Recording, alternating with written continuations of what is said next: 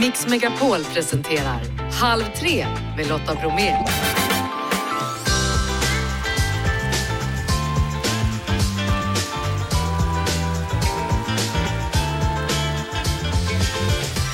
Hallå där och varmt välkommen in i Halv tre-studion. I dagens måndagsmix, framtidens mat mer än bara insekter. Kinas ledare har landat i Moskva, vad betyder det för världen? Jonas Gardell har en ny show i höst, han berättar mer om den och om oss tilltufsade efter 15.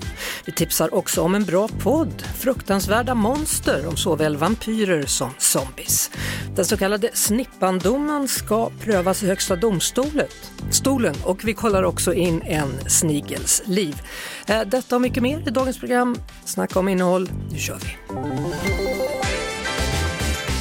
För några veckor sedan var han här och pratade om Moulin Rouge som ju sätts upp i höst. Men Andreas Wik, ni kanske såg honom i lördags, då var det ju premiär för Let's Dance.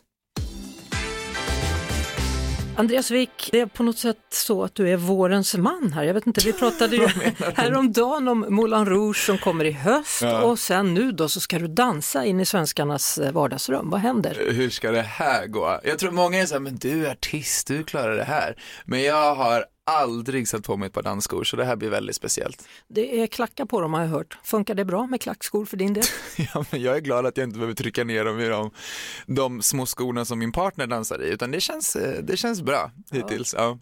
Det är inte så jättelänge sedan som du kom ut som gay. Du var till och med Mm. nominerad på QX-galan som årets hbtq-person. Men nu ska du dansa med en tjej eller kille? Jag kommer dansa med en tjej. Det var så respektfullt när de frågade, ah, vill du dansa med en kille eller tjej?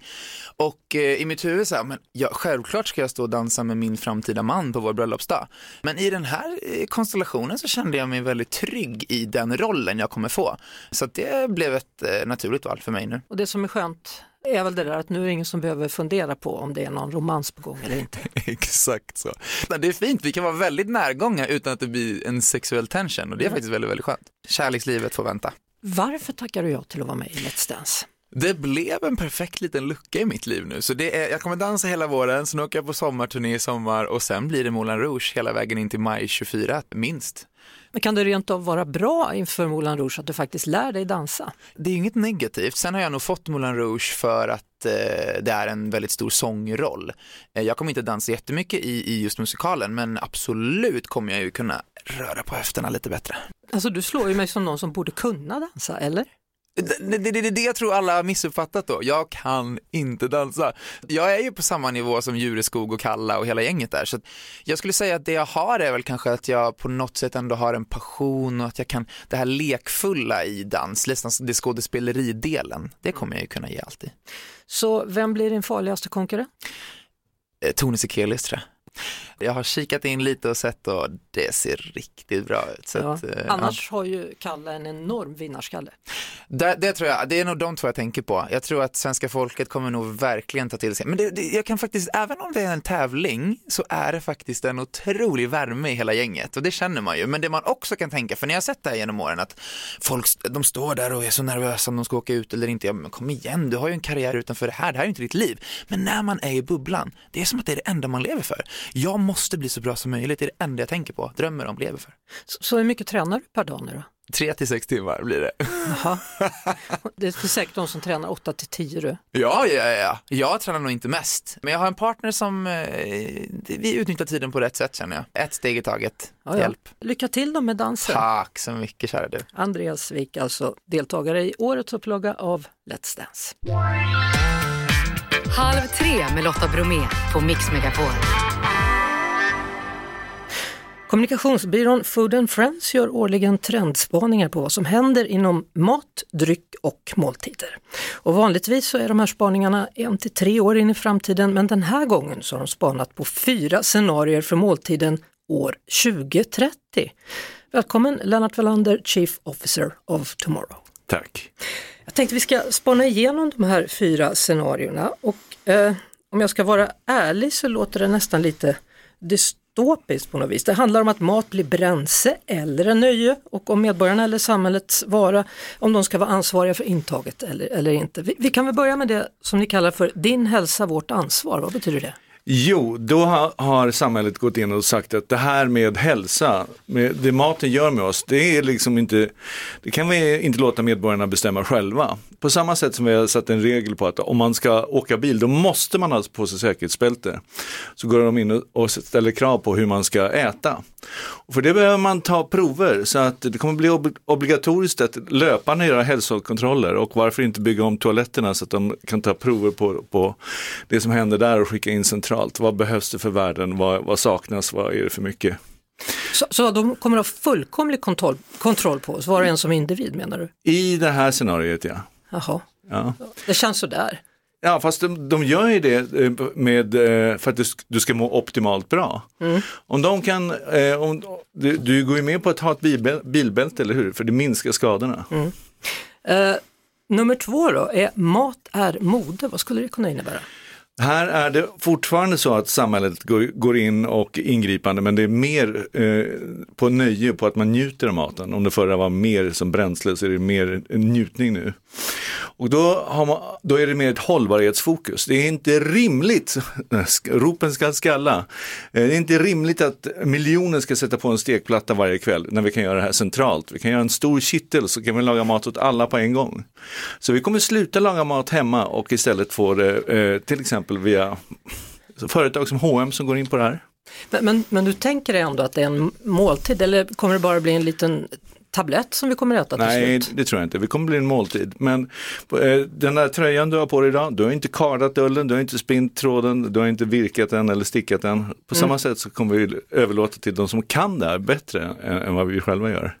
Jag tänkte på det där du, du pratade då om, om, vad man behöver eller inte. Eh, det finns redan nu restauranger, eller har funnits i alla fall, där man har en svabb och så tar man ett litet test på insidan av kinden. Du har varit på en sån? Ja, jag har varit, det var en kedja i London och man börjar med att skriva in eh, vikt, ålder, aktivitet och sånt och sen så tar man en litet test i munnen för att se vilken DNA man har.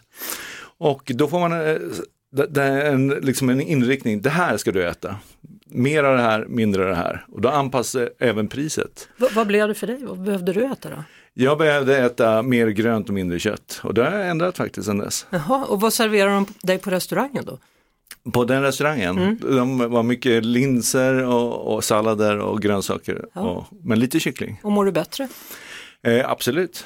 ja. de, de vet bättre än vad jag gör. Den tredje delen då, ät för framgång och cirkus hela tiden. Eh, ja, vad betyder det? Ät för framgång, då, är det, har, då tänker man sig att staten har tagit ett mindre aktivt val i att agera och styra medborgarna. Och samtidigt har medborgarna gått åt att se maten mer som någonting som man ska prestera ifrån, man ska prestera optimalt. Eh, jag tänker mig att jobbmarknaden har blivit knivskarp, hård konkurrens, man behöver vara sitt yttersta för att få ett jobb överhuvudtaget. Mm. Och då är maten superviktig. Och eh, som, som jag ser det så blir det då ett fokus på färskhet. Så att allting som är färskt är bra, ju äldre det är från eh, skörden eller slakten eller vad det är, desto sämre blir det. Så att all mat, alla förpackningar har en siffra på sig som de räknar uppåt dag för dag. Som ni skriver då, det är inte längre jord till bord, det är jord på bord. Ja, jag, jag tänker mig eh, att man kanske äter sallad som inte ens är skördad utan sitter fortfarande i sin kruka. Så dressar man salladen, äter upp den och lever, äh, lämnar ifrån sig krukan. Uh -huh. och, och detta då med anledning av att många åkermarker kommer att vara utarmade och då handlar det om att ha den bästa jordmånen då? Ja absolut och det blir en resursfråga. Jaha. Och en lyxrestaurang, där kan man få det så? Det där, eh, till och med kan man mötas av en mixolog, vilket, vilket, inte är en bartender i framtiden utan det är någon som har koll på jorden.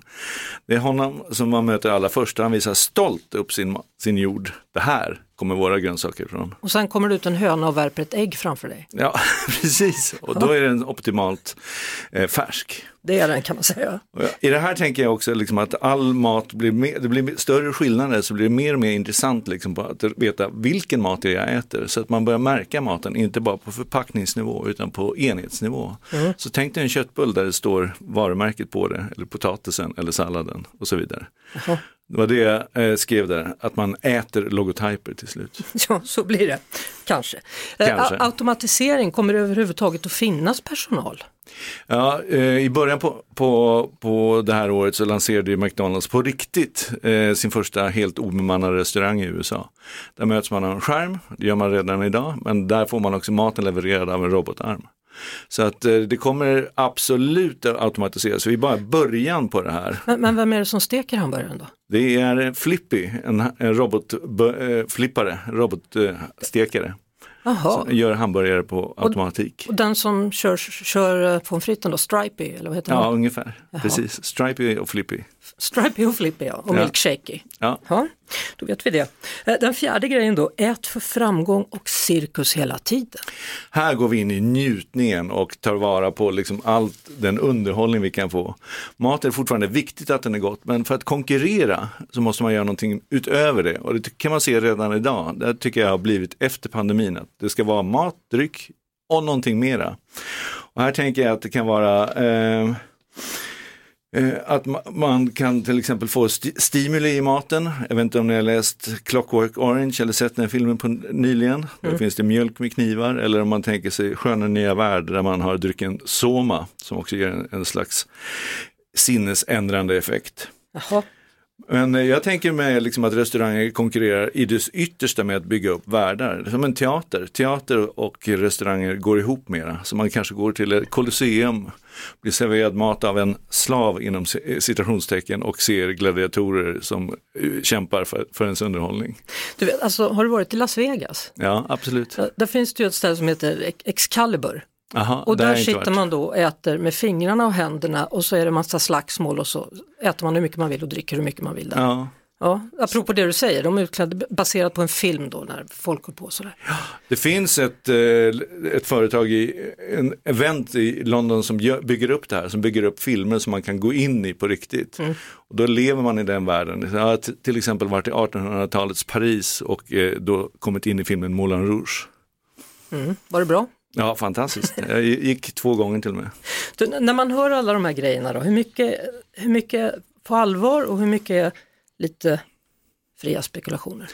Det här eh, är gjort för att ha som diskussionsunderlag för framtiden. Eh, Så att eh, det är draget till sin spets och det ska liksom vara så ytterst tydligt.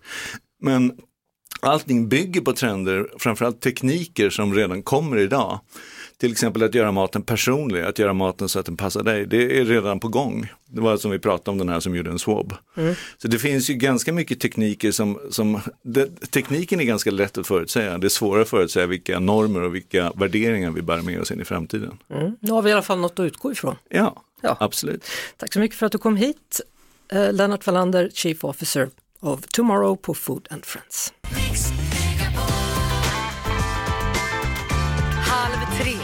Lotta Bromé. Den 21 september i höst så är det premiär på en ny show med Jonas Gardell. 30 år efter en finstämd kväll med Jonas Gardell kommer nu Man får inte leva om sitt liv. Det är det som är själva poängen. Att sättas upp på Intima. En föreställning för alla de som livet tuffsat till. Det och annat då och nu ska vi prata om härnäst. Varmt välkommen Jonas Gardell. Tack så mycket. Men du sa fel. Du har en väldigt lång titel på nya showen, men du sa fel hjärtat. Gjorde jag det? Vad sa jag fel på? Ja, du sa, den heter Man får inte leva om sitt liv. Det är det som är själva grejen. Ja, grejen, jag sa poängen. Du sa poängen Ja, då- och det är inte poängen Lotta Bromé. Nej, förklara skillnaden. En grej är en grej och en poäng är en poäng. Ja, tänk om man då har nu har tatuerat sig med poängen, det har inte jag gjort någon. Eh, Nej, men det är faktiskt väldigt, väldigt många som gjort det och broderat och haft sig. Eh, och det har inte jag, jag har en enda tatuering. Och där står det Mark. Ja. Och Mark har ju också en tatuering där det också står Mark. nej, nej, nej, det har han inte. Nej, han, har, han har en där det står Jonas och det är lite roligt för jag har alltid sagt om vi någon gång skiljer oss kan jag tatuera DAN så det står Danmark. ja, eftersom det är ditt favoritland. Ja, men att, eh, vi har inte kommit dit än ännu. Nej, hörru du, eh, Intiman för 30 år sedan. Ja, det är lite fascinerande. Jag har exteriörbilder för hur det såg ut och två, kan det vara 12-13 års killar som tittar rakt in i kameran och man tänker, herregud, de är medelålders nu. Det är lite fint. Och när jag var där på Intiman så var, då hade jag gjort soloshower och som ståuppare lite varstans. Och eh, nu så skulle jag hemligen göra en stor show med, med orkester och dansare och kör och, och scenografi och grejer. Och ingen fick veta det förrän premiären. Ja, det var verkligen så. Man gick dit för en finstämd kväll och du skulle hålla en monolog och så helt plötsligt brakade det bara loss. Jajamensan. Till och med fyrverkerier. Ja, ja, det var så mycket pang-pang och framförallt så hade vi byggt upp, man trodde att det var en helt naken vanlig teater och sen så plötsligt bara brakade bakvägen, väggen framåt och där dundrade liksom musikerna på. Det var väldigt, väldigt tufft. Och det var ju, min stora idol var ju Bette Midler och är Bette Midler artisten så jag tror att det var mitt försök att göra en Bette Midler-show. Ja, man är ju väldigt nyfiken. Kommer du luras på samma sätt den här gången? Ja, nej, nej, jag har väldigt lust till att vara intim den här gången på Intiman. Att vara innerlig och att vara, när jag försöker tänka efter vad som skiljer mig från andra komiker så kan det ju vara det där att jag är rätt välskriven, rätt välformulerad eftersom jag också är författare och det är de flesta andra komiker inte. Inte så att jag ska vara så här superlitterär men jag tänkte att ja, jag ska nog kunna få till en föreställning som både är väldigt rolig och eh, rätt spännande. Spännande. Ja, Ja, spännande. Ja. Vi pratar mer om det med Jonas Gardell alldeles strax. Runt solen med Christer Sandelin med text då av Jonas Gardell. ja och den där gjorde vi, kan det ha varit 92? 92 rätt Då år. vi, eh, och det var ju, så jag har med en låt som var med på den skivan, var med på eh, eh, Intiman-showen. Mm. Så nu har vi verkligen gått tillbaka i tiden. Ja men, ja, men också alltså, vad som har hänt sedan dess. Patrik Christer då var en sån här rar popkille och idag är han väl en, ja, inte lika rar popkille. Han är en popkille. Ja men är han det fortfarande? Jag vet inte när han gjorde något var sist. Han gör så här hotellmusik och, och kommer då och då med lite, lite, lite knarkiga uttalanden om Sverigedemokraterna. Och man får säga så. Det gjorde jag just. Det var, men det var likadant, alltså då var det ju liksom 93, då hade ju Sovjetunionen just fallit och alla var så här, wow, ryssarna vill vara vänner med oss. Vi ska aldrig mer vara rädda. De vill ha Eurovision och McDonalds och jeans. Woo! Ja. Woo! Putin är inte farlig. Woo! Och det fick vi äta upp. Det kan man säga. Ja. Eh, ja. Och du skrev också texter då till Ron och Ragge. Ja, och fick guldskiva, det, eller hur? du, Ja, det fick jag. Och den hade jag länge på utetasset på landet. Men ja, det, det tyckte jag var lite, lite pinsamt av någon anledning, vilket jag inte skulle tycka idag. Men så jag tror jag använde samma pseudonym som jag använde när jag skrev eh, eh, erot eller porr, som jag gjorde för pengar i min ungdom. Vilken, vilken signatur var det? Eh, eh, jag tror att det kan ha varit L. Edgar, jag är lite osäker. Jag var så jävla dålig på att skriva porr, faktiskt riktigt, riktigt dålig. Jag var liksom, eh, eh, jag vet inte hur jag, hur jag ska kunna få upprättelse efter detta avslöjande. Men jag, jo, så är det. Du, alltså, det som är lite intressant med intima föreställningen denna gång, det är att du tänker använda dig av en regissör, Johan Glans. Ja, eh, och han är nog den mest häpna, för jag tror inte vi har sagt regissör till honom när vi har frågat honom, utan, utan ja, ja, men jag, jag, jag tänker bara att jag försöker göra allt lite annorlunda än vad jag har gjort tidigare i mitt liv. Det har liksom bara blivit så att jag, ibland kommer man ju till, till vägskäl där man vet att nu kan jag gå åt ett helt annat håll och varje steg jag tar ett nytt steg åt ett nytt håll.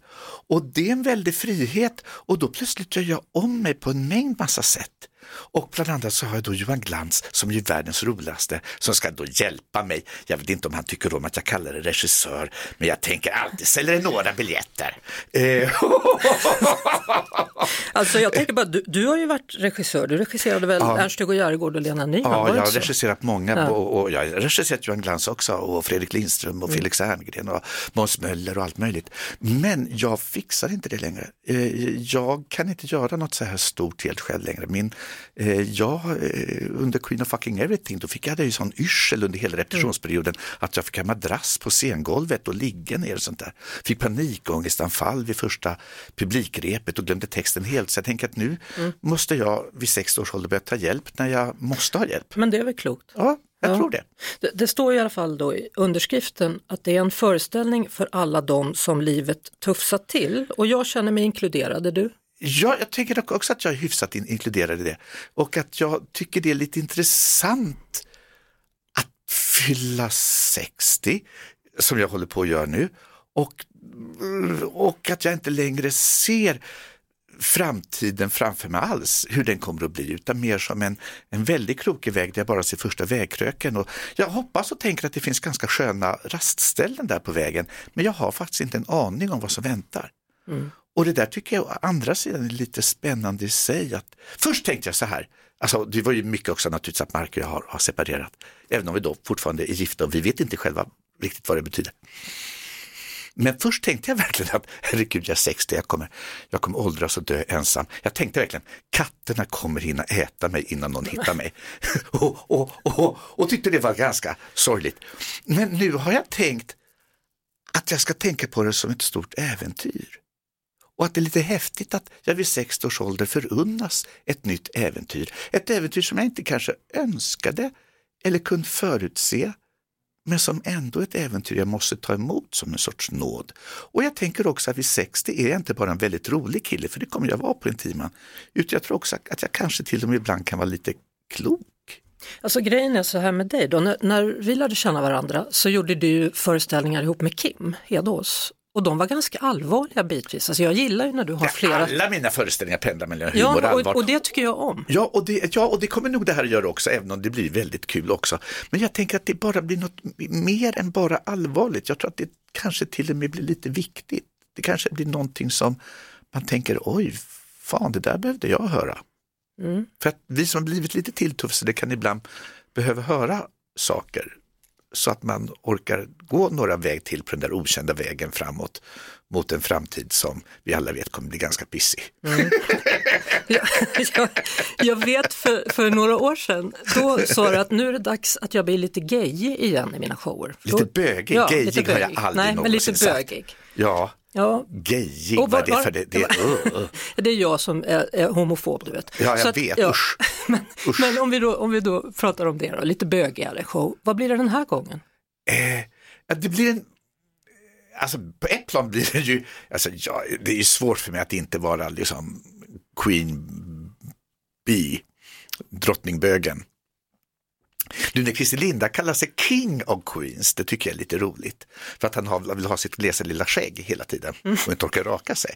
Men eh, så då får jag väl vara den lilla drottningen. Eh, ja, jag tänkte, tänker att jag tycker mycket om Christer, tack för 70-årskalaset, din lilla goding. Men eh, jag tänker att eh, jag har en text som faktiskt jag tror är viktig idag. Att eh, om den första eh, demonstrationen för homosexuella rättigheter i Örebro, då de bara var 12 personer och de var så rädda.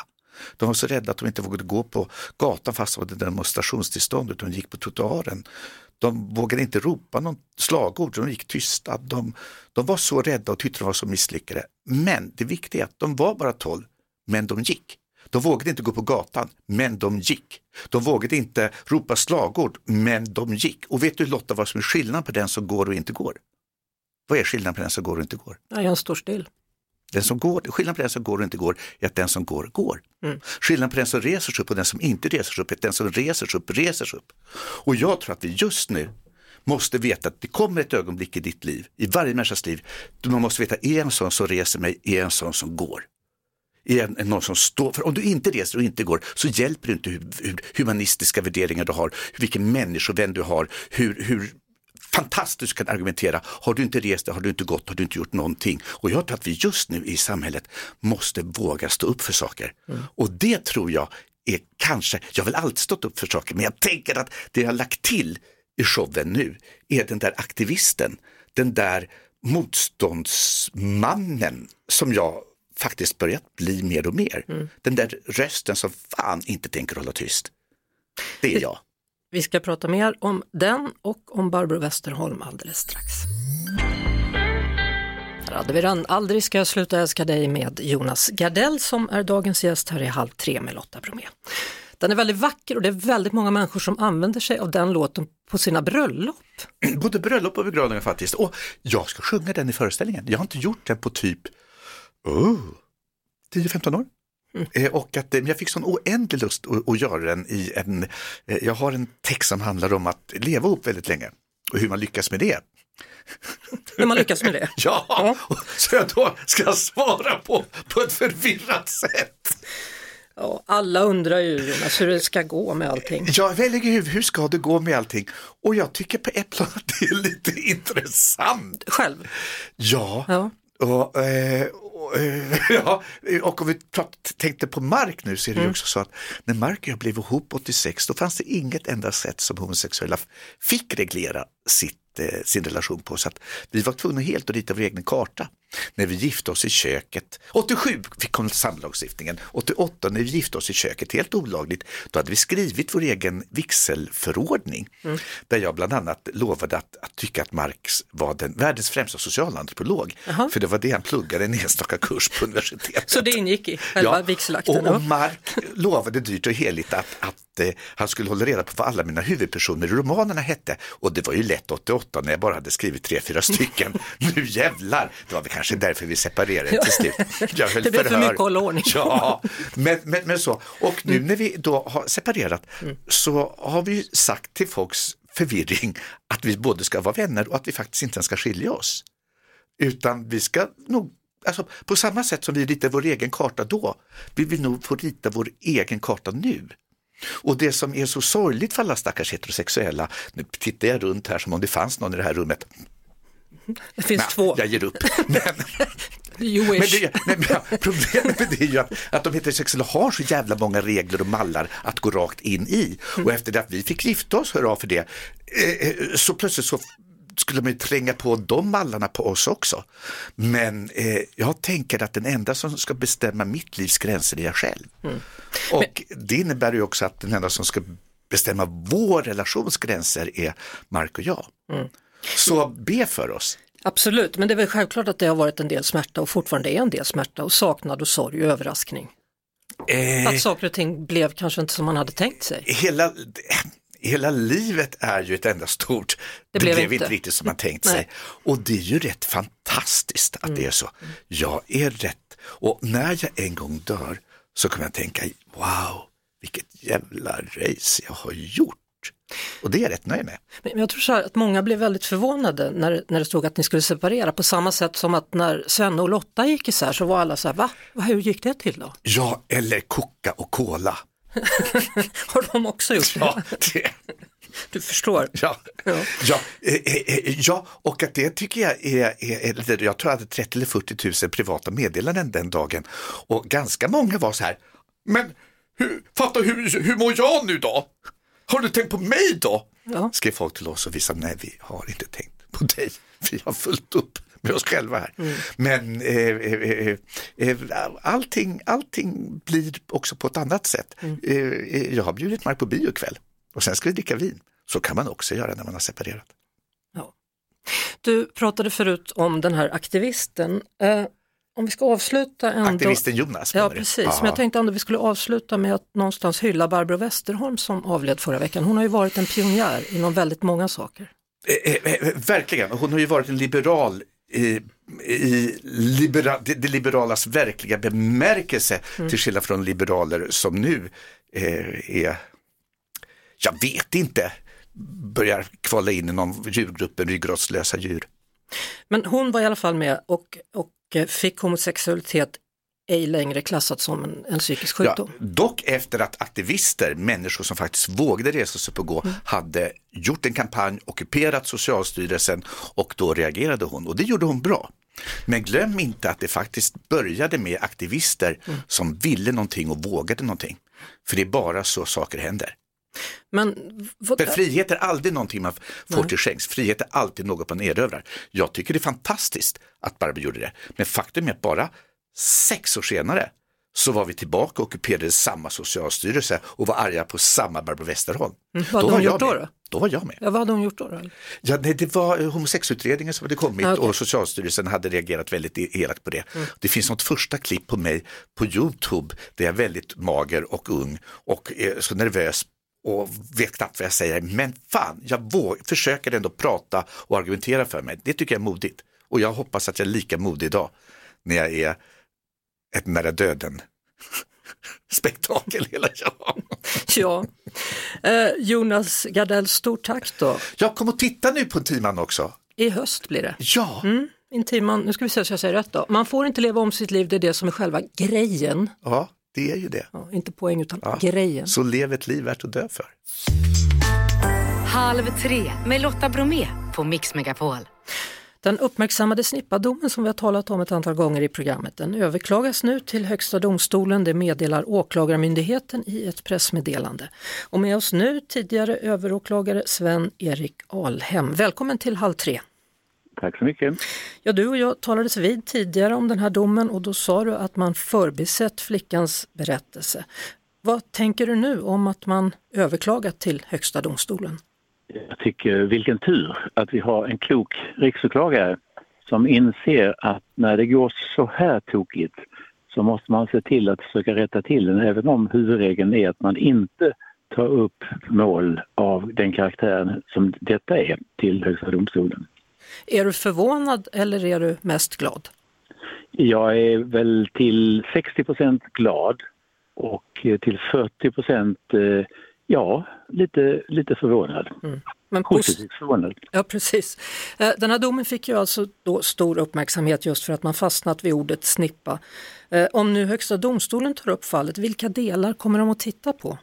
Ja, tänk vad de kan titta på. De kan titta på nästan allt. Allting har gått fel i det målet tycker jag. Alltså det är så oerhört konstigt mål så att man skulle kunna ägna en doktorsavhandling åt att försöka belysa alla fel som begåtts. Mm. Till exempel? Ja, till exempel att man, eh, när, man när huvudförhandlingen är slut så rusar man ut och tittar i en ordbok. Varför då? Om man ska göra någonting som man inte anser vara allmänt veterligt i rättssalen så får man väl se till att ta upp till belysning så att parterna får möjlighet att uttala sig om tolkningsfrågan som kommer från ordboken. Mm. Det är ett fel. Ett annat fel är ju att om man fingranskar, eh, fingranskar gärningsbeskrivningen, har den omfattat även någonting annat att döma över än det de tyckte var inte möjligt? An, en annan fråga är, har det förekommit som påstås att åklagaren skulle ha näppsats att inte ha något andrahandsyrkande eller så? Det har också kommit påståenden om detta, det är också konstigt. De har att göra med andra ord. Vad skulle en fällande dom få för betydelse i ett fall som detta? betydelsen är enorm för den flicka som är tio år gammal och som har berättat, tycker jag, mycket utförligt om vad det är som har inträffat och som har lett till att den man som förgriper sig mot henne, mot honom, mot henne har eh, dömts i tingsrätten till tre års fängelse och frikänns helt i hovrätten. En rättelse av detta kommer att ha enorm betydelse för, för flickan. Hon kommer att bli berikad i livet genom att man trott på henne och förstått henne. Tack så mycket Sven-Erik Alhem, tidigare överåklagare. Halv tre med Lotta Bromé på Mix Megapol. Kinas president Xi Jinping besöker idag Moskva för att träffa Rysslands president Vladimir Putin. Hugo von Essen, analytiker från Utrikespolitiska institutet, välkommen till Halv tre. Tack så mycket. Ja, nu drar man ju öronen åt sig här. Varför åker Xi Jinping till Ryssland? Ja, för båda länderna handlar det här om att fortsätta utveckla den här strategiska partnerskapet som de kallar det, som är väldigt avgörande för båda länder. Eh, För rysk del handlar det om att visa världen att västvärldens försök att isolera Ryssland inte funkar. För Kinas del handlar det om att försöka eh, framstå som en, en, en neutral, konstruktiv fredsmäklare och på så sätt förbättra eller värna om relationen med västvärlden. Vi har ju tidigare då pratat om den här relationen mellan Kina och Ryssland, att den stärkts under kriget i Ukraina men samtidigt blivit mer ojämlik. Varför är det här mötet bra för Ryssland? Ja, därför att Ryssland inte har särskilt många andra val. Kina är egentligen den enda eh, viktiga partnern som, som Ryssland har och Kina har stöttat Ryssland ekonomiskt, politiskt, militärt under kriget på ett helt avgörande sätt som, som är väldigt viktigt för att Ryssland ska kunna fortsätta bedriva kriget framöver. Och vad tjänar Kina på det här? Kina får behålla sin strategiska partner som Kina hoppas behålla långsiktigt i den kommande konflikten med USA som, som Kina förutser under de kommande decennierna. Så vad sänder det här för signaler till omvärlden? För det har ju pratats om en röd linje etc. Ja, det här skickar ju den väldigt tydliga signalen att Kina kommer stå fast vid sitt stöd till Ryssland, vid sin relation till Ryssland, eh, lite egentligen oavsett vad Ryssland gör. Så var går egentligen USAs röda linje? Är det ifall Kina börjar ge vapen till Ryssland? Det är en bra fråga. Kina har ju stöttat Ryssland, inte direkt med vapen vad vi vet. Eh, däremot har man ju stöttat Ryssland till exempel med reservdelar, med, med metaller och kemikalier som är helt avgörande för den ryska försvarsindustrin eh, och kan komma att börja stötta ännu mer med vapen. Såklart beror ju det, USAs respons beror ju väldigt mycket på hur stor omfattning det här sker. Att Kinas president idag då har landat på rysk mark och har ett möte med Rysslands president Vladimir Putin, betyder det att vi nu lever i en osäkrare värld eller har ingenting förändrats?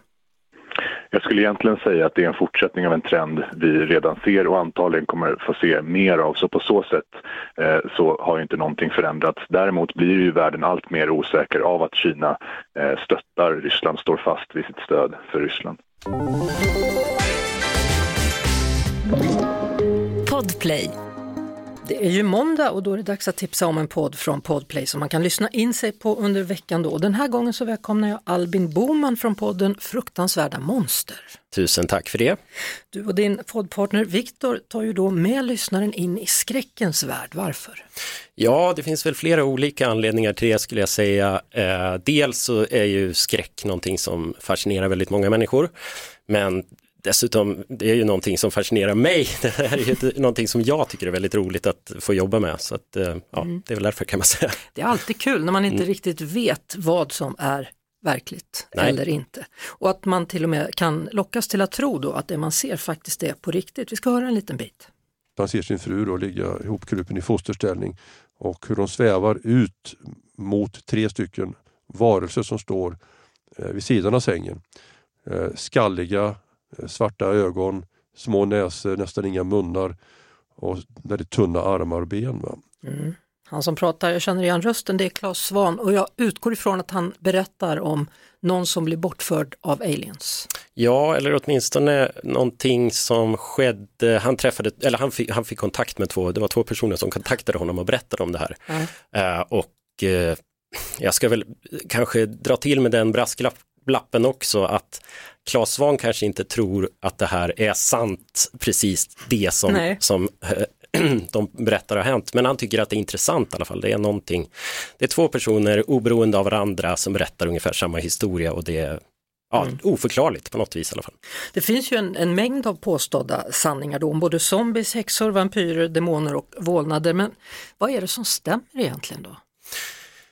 Ja, det beror väl också på lite vad man menar, för på ett sätt så kan väl jag tycka att alla de människor som upplever någonting övernaturligt, de upplevelserna finns ju. Och det kanske är det som är spöken helt enkelt, alltså upplevelser av någonting som man inte kan förklara. Och samma sak med utomjordingar och så vidare också. Vi ska lyssna på ytterligare eh, någonting övernaturligt då, kan vara läskigt. Jag står framför en spegel som sägs vara hemsökt och rysningen eller skräcken som min kropp upplever tar över hela situationen. Ja, det där är ju många som säger. Att det knarrar eller att någon spökar eller de som bodde i huset innan eller så vidare. Mm, mm. Mm. Ja, verkligen. Ja, här var det ju till och med jag som upplevde någonting själv.